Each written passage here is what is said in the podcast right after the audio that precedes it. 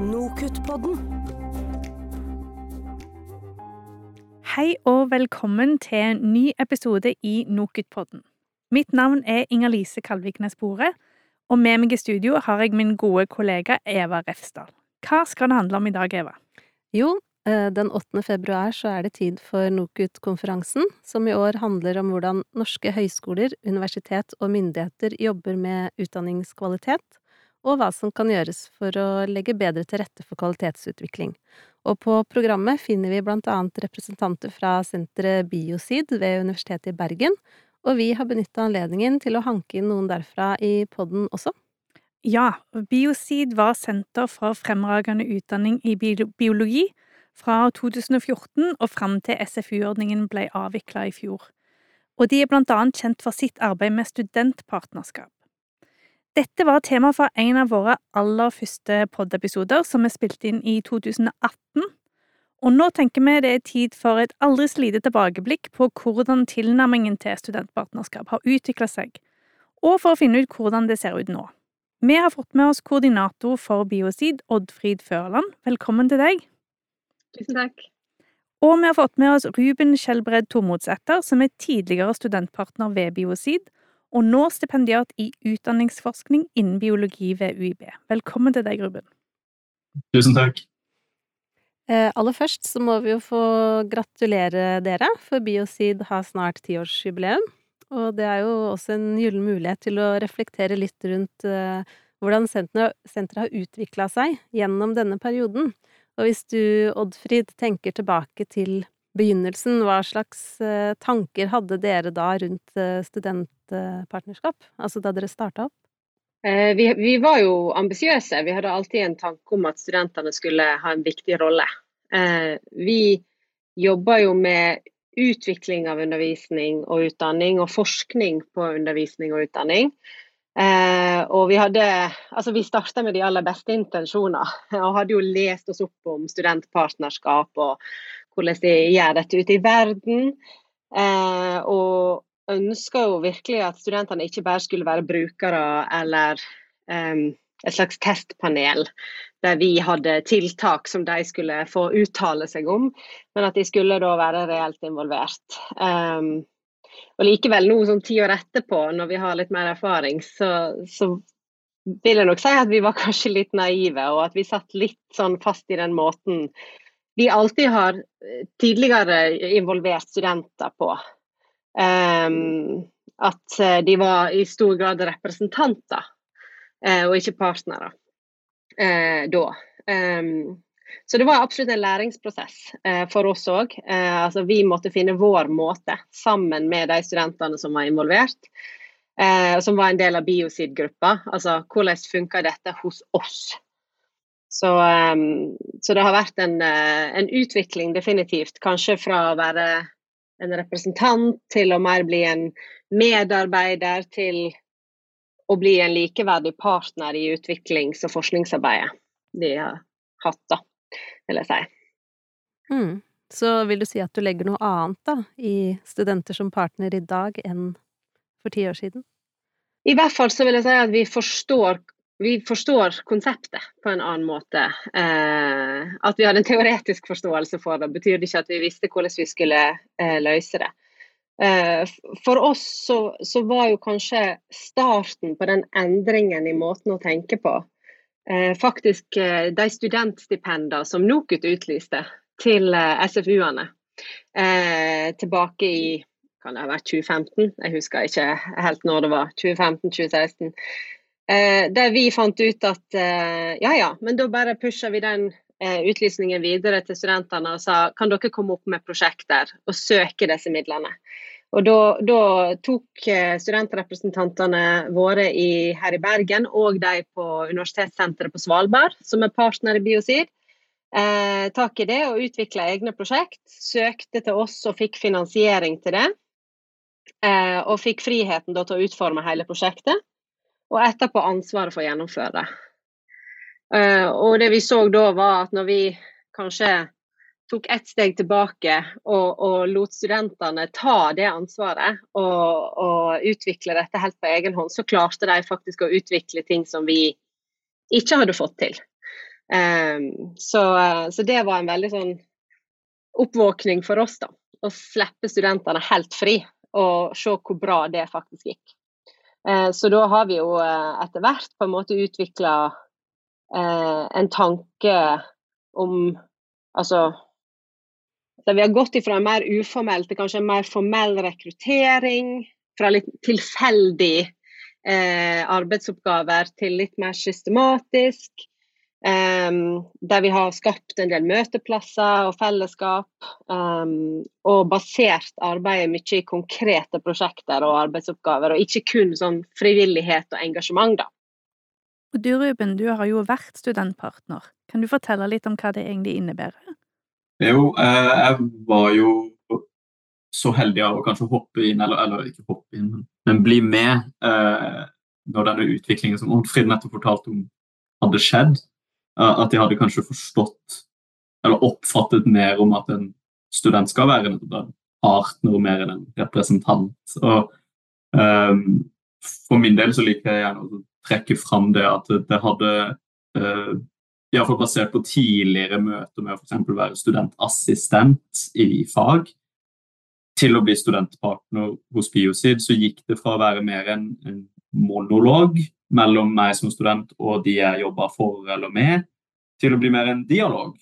Uh, og at det er kanskje det som jeg syns var den største forskjellen. At uh, genuint følte jeg var en deltaker med på en utvikling. Jeg, jeg hoppa ikke inn etter alt var bestemt, og så fikk jeg beskjed om gjør ditt, gjør datt. Det var mer en sånn uh, Her har vi et, et ønske, en mål om å komme oss dit, men hvordan vi skal gå der, det, vi, det, finnes det mange veier på. og Vi har gjerne lyst til å høre hva alle mener. Og Det, det var en veldig flott, uh, flott forskjell. da. Så jeg tror det har vært uh, det jeg vil trekke fram mest. Søkte du på en stilling, rett og slett, eller hvordan kom du inn i dette her?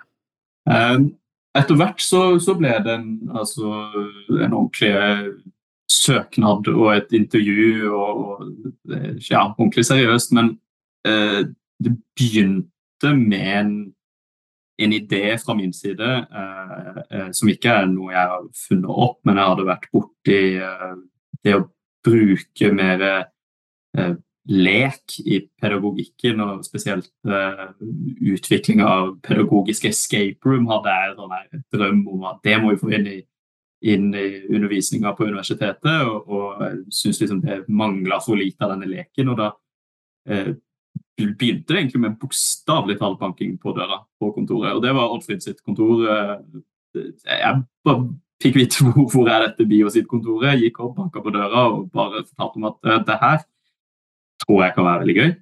Eh, jeg har en idé. Jeg har null idé hvordan denne ideen skal bli implementert. Hjelp. ja. Så hvordan, hvordan, jobbet dere med det sånn rent praktisk? Hvordan så det ut å være studentpartner? Spesielt eh, eller Hvis jeg skal ta utgangspunkt i det escape room-ideen, da, um, så, så, så, rent praktisk så var det som sagt det begynte med at jeg presenterte ideen min, og at jeg ble møtt veldig med, med veldig sånn uh, ja, Jeg følte veldig ble tatt godt imot. da, Det var liksom ingen, ingen hindringer. Her så man bare løsninger. Det var sånn, ok, Kult, du har en idé. Uh, jeg skjønte veldig tydelig at de jeg presenterte ideen for, hadde ikke peiling på hva jeg snakka om. Det var egentlig veldig gøy, for da følte jeg sånn, ok, jeg kan sette meg litt i litt i sjefsstolen her og styre skipet litt som jeg vil. Men, men jeg har uh, egentlig ikke noe skip, og jeg har ikke noe mannskap.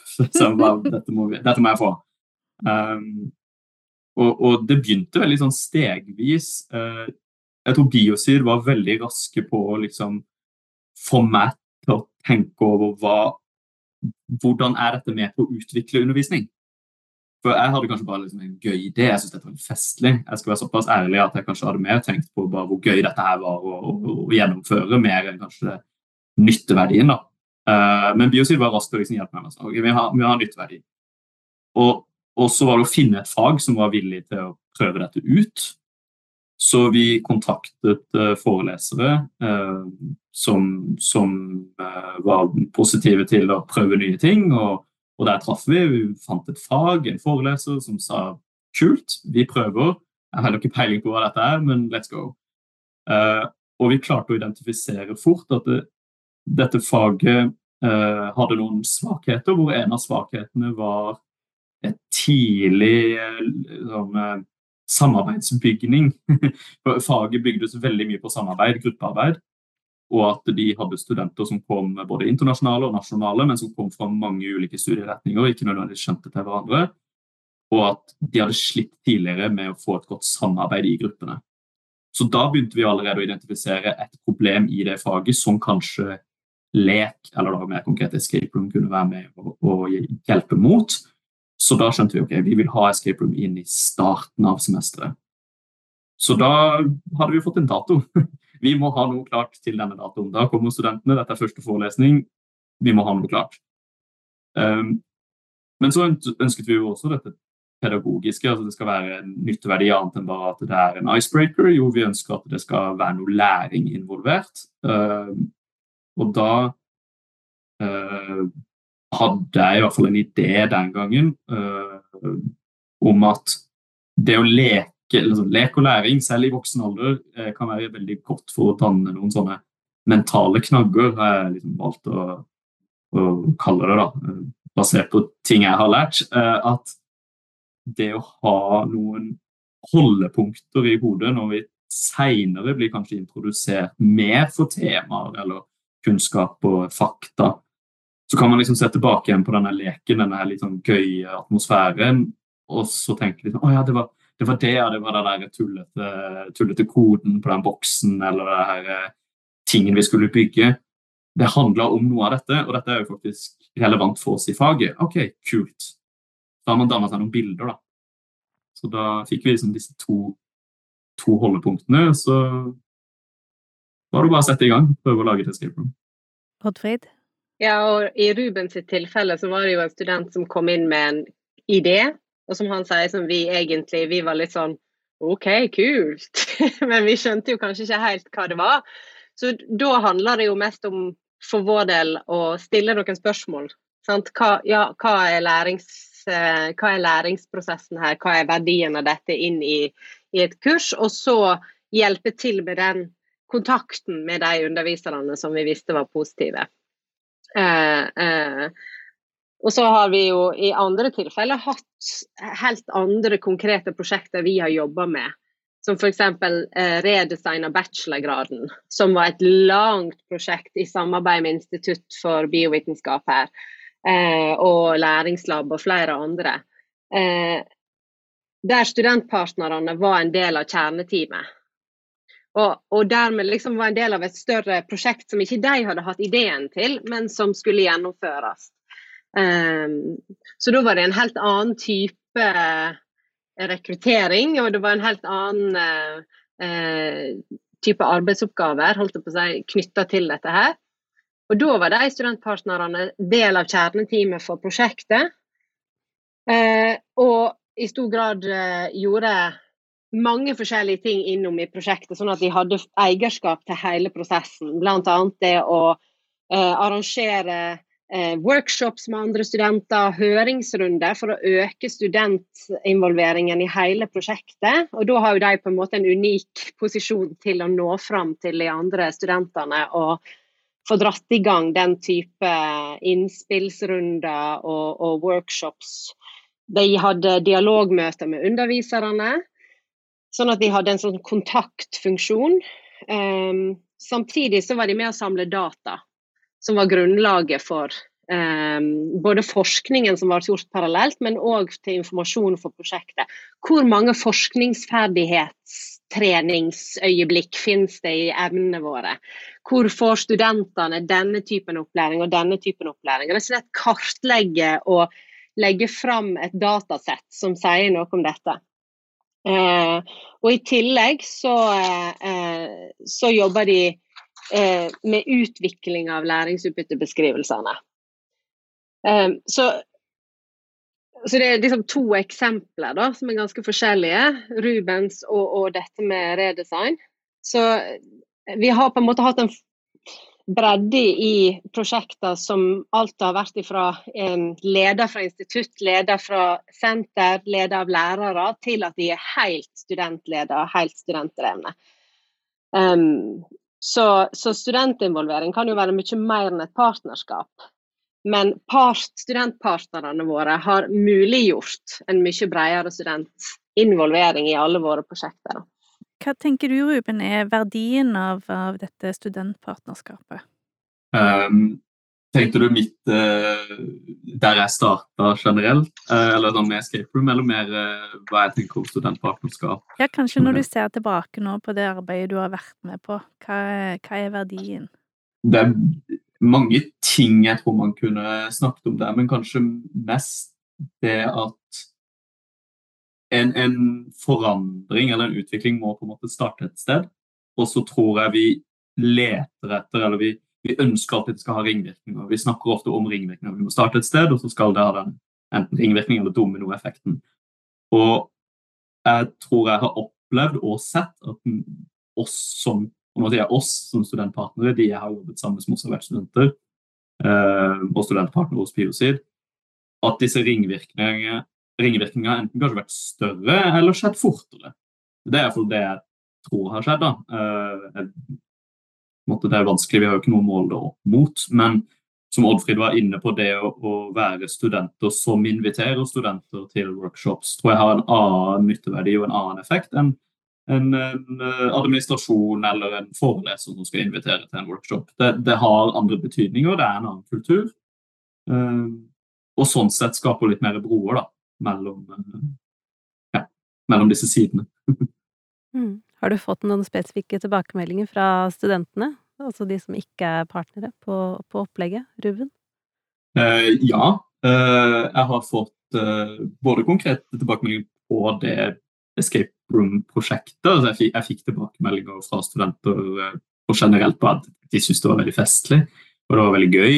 Eh, og veldig mye sånn dette må vi ha mer av. Og folk som har kommentert at sånn ja, Lekeundervisning, det er det en ting? ja, OK. Kanskje har jeg liksom skapt noen, noen sånne Tent noen lys. Um, men også det å være med på uh, andre prosjekter selv i Biosid. Uh, F.eks. en studentjournal som Biosid var med og starta, som, som heter Bikuben. Hvor jeg jobba mye med formidling av hva studentjournalen var og handla om. Og da har jeg også fått mye tilbake en melding på at uh, folk har satt pris på å få høre det fra en student. Jeg, jeg tror nesten at jeg blir tatt mer seriøst, eller bikuben blir tatt mer seriøst. At ikke dette er noe som, eh, som på en måte bare er funnet opp for å ha et eller annet sånn ytre mål, men det er, sånn, det er genuint. Det er, det er, av studenter for studenter. Kult! Kjør på. Det har iallfall vært min oppfatning. Kunne dere gått litt nærmere inn på hva bikuben er, og hvilken funksjon det har? Årfrid, har du lyst til å uh, starte? jeg, kan, jeg kan starte, og så kan du uh, fortelle detaljene. Nei, altså, Bikuben er altså et tidsskrift som er studentdrevet. Uh, der studenter kan publisere sine tekster. altså, og tanken kommer jo fra, delvis fra Redesign-prosjektet og andre prosjekter vi har jobba med som handler om flere ting, men dette med forskningsbasert utdanning og studentaktiv forskning, at studentene skal få delta i alle ledd av forskningsprosessen, det har vært bærende i hele Biosid sin, eh, sin tid og all vår utvikling.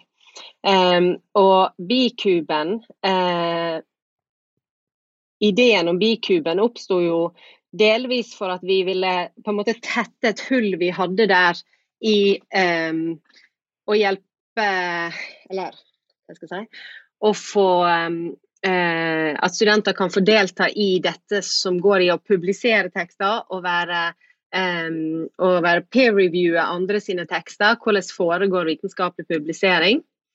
Eh, og på den andre sida det at veldig ofte så jobber studenter knallhardt med sitt på en måte vurderingsprodukt, det de skal vurderes på.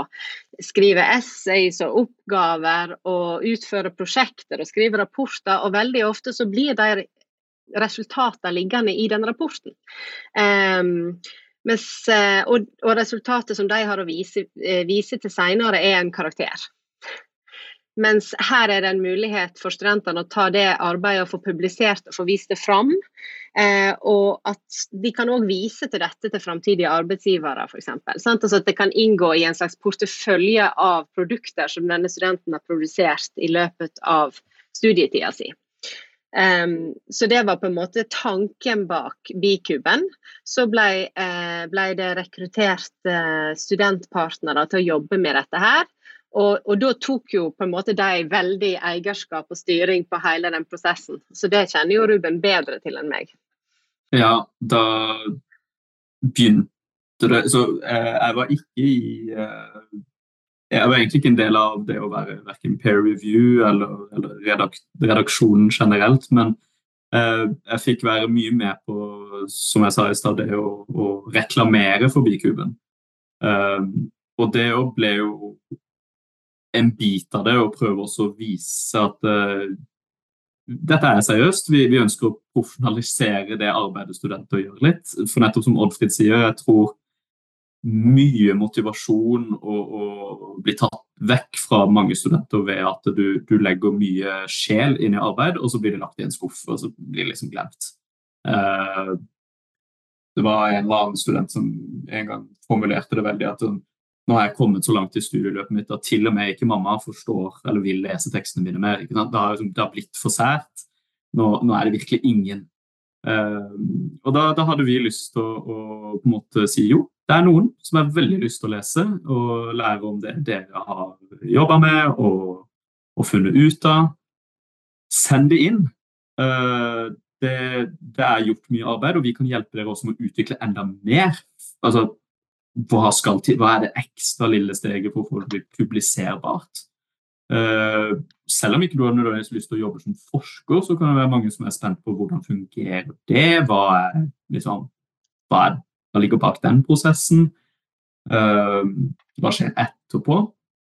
Og, og um, ja, og det er jo liksom den reisen vi hadde lyst til å ta dem med på. da, og det, altså det, det, det blir jo det det blir. Det blir publikasjon.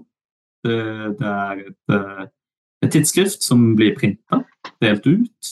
Uh, man kan uh, fysisk lese det, lese det digitalt. Uh, og man kan liksom ha noe konkret å peke på. Dette her har jeg gjort, dette her har noen lest og, og satt et stempel på. Sånn, dette er bra. Da er det studenter som utgjør redaksjonen. Det er ja. de som er peer reviewers, eller, og det er de som er forfatterne. Ja. Kjempe, kjempefin mulighet for studentene. Hvordan vil dere si at Eh, studentpartnerskap har bidratt til utviklinga av kvalitetskulturen på Biosid. Vil du si litt om det først, Oddfrid? Eh, ja, jeg tror det har vært eh, eh, Det har vært veldig, veldig viktig for at eh, eh For kvalitetsarbeidet vi driver med. fordi det har økt vår forståelse for hvordan studentopplevelsen er. Det har eh, belyst en del eh, områder som vi ikke var på en måte klar over at var problemområder. Altså, vi har fått utvida perspektivet vårt veldig.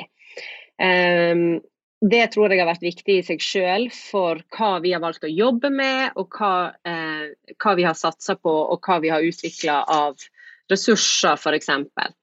Um, og ikke minst så kommer de studentene inn med en, en, en kreativitet og en liksom, innovasjonsvilje eh, som vi gjerne skulle hatt sjøl, men som vi nok må innse at vi ikke har. Eh, og litt den her eh, friere tank, altså ikke så be, eh, opptatt av begrensningene, men mer om hva vi kan få til her. veldig eh, gode på å se løsninger. Um, og ikke minst at, å spisse ressursene våre sånn at de blir mer relevante. Eh, sånn at de blir relevante for studentene eh, sjøl.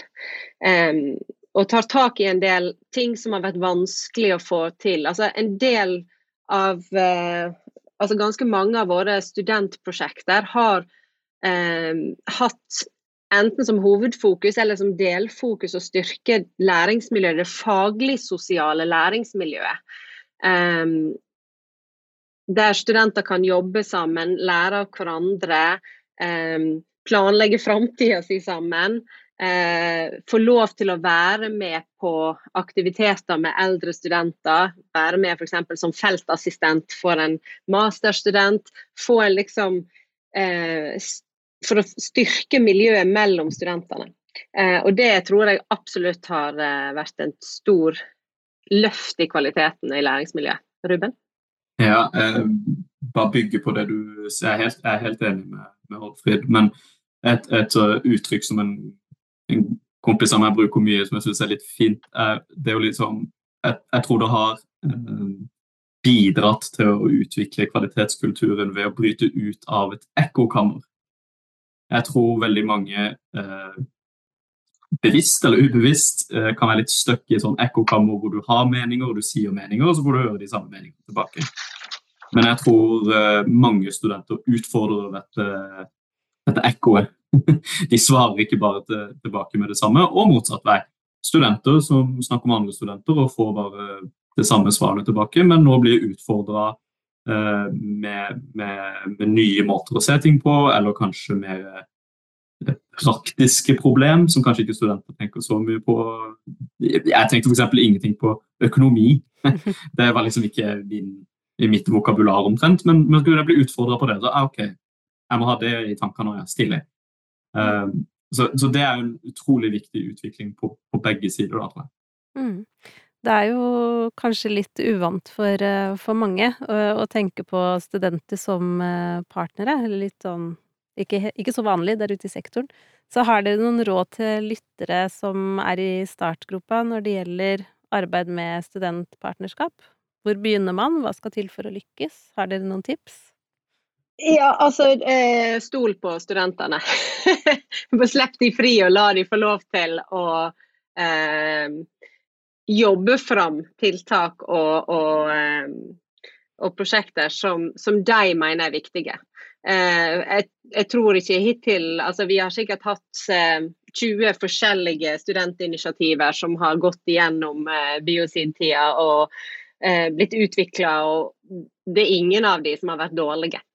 ingen. og det er klart vi har, vi har hatt en dialog så det, underveis og, og støtta og hjulpet hverandre. Eh, jeg tror jo det, eh, og, det, og dette ser vi jo eh, dette går òg igjen i, i, på en måte litteraturen om, om studentpartnerskap, at det må være gjensidig meningsfylt eh, for de som er involvert. Altså En må finne områder og, og, og prosjekter der, som gir mening og læring for begge, eller for alle parter involverte. Det tror jeg er helt essensielt. Um, uh, så, og, og, og, gjennom det å gi frihet, handlingsrom og autonomi. Du må gi fra deg litt av kontrollen. Uh, det det er det verdt, i vår, uh, vår erfaring. Så, eh, og når du er liksom i startgropa, så er det kanskje det å, å forsøke å rekruttere flere partnere, slik at de har et miljø seg imellom. Um, og gi rom for ulike grader av ansvar og innsats og utbytte. Eh, det er ikke sånn at alle ideer må komme fra studentene. Det handler om et samarbeid. Um, der vi kan på en måte spille hverandre gode. Uh, så det vil jeg si er viktig. Um, og det å faktisk gi det litt tid. Ikke sikt på et tre måneders eh, partnerskap for å utvikle noe, men gi det litt tid, sånn at begge parter får tid til å bygge kunnskap og erfaring, og ikke minst tillit til hverandre. For da begynner vi å snakke sant til hverandre. Da begynner vi å, å lære av hverandre. Mm. Ruben, du sitter og nikker og er enig i det? Ja, jeg nikker som bare, bare. Jeg syns det er veldig eh, Ja, det er det viktigste. Altså tillit og tid, og det å, å uh, synliggjøre den tilliten til studentene. Um, og jeg snakka om at jeg bare trampa opp og banka på døra, og så ble det liksom til noe. Men, og, og da har jeg veldig forståelse for at folk kanskje kan sitte der og tenke nei, men vi kan ikke bare sitte og vente på studenter skal banke på døra. Men grunnen til at jeg endte opp med å banke på døra, det er jo fordi at minste motstandsvei var å banke på døra. Det, Biosid hadde synliggjort at de stolte på studenter ved å ha studenter der ute som fortalte meg om at det er en vei å gå. Og det var minste motstandsvei. Det var, liksom, det var superenkelt. Det var liksom ikke noe det var ikke skummelt, det var ikke noe vanskelig. Synliggjør den tilliten, gi det litt tid til å vokse. Uh, ja. Mm. Uh, og jeg, jeg, tror vi har vært inne på mye av dette her med å gjøre det til en sånn uh, profesjonell relasjon bygd på tillit og dialog, og at det nok har ført til mye, mye bra. Mm. Og jeg tenker òg at det er viktig å, at det skal gi en form for uttelling. Um, vi, vi, går på jobb og får lønn for det hver dag, og studentene har en heltidsjobb i å studere. Så når eh, vi ber dem om å hjelpe oss med utvikling, eh, så må det gi en uttelling. Enten i form av lønn eh, eller andre ting som, som, er verdifullt for studentene. At det ikke blir basert på at de skal være frivillige og vi skal være ansatte. fordi da er, da er det ikke mm, nødvendigvis helt likeverdig partnerskap, da. Ja. Så litt ressurser kan, ganske, kan en komme ganske langt med. Det var faktisk det vi fikk tid til i dag. Eh, hvis noen eh, som hører på, kan tenke seg en liten reise i tidsmaskinen, kan vi anbefale dere å høre på episode fem av NOKUT-podden, den om studenter som partnere. Ellers vil vi bare si tusen takk til gjestene våre, Ruben Skjelbred Tormodsæter og Oddfrid Førland fra Biosid, og tusen takk for oss. På gjenhør. Nokutpodden.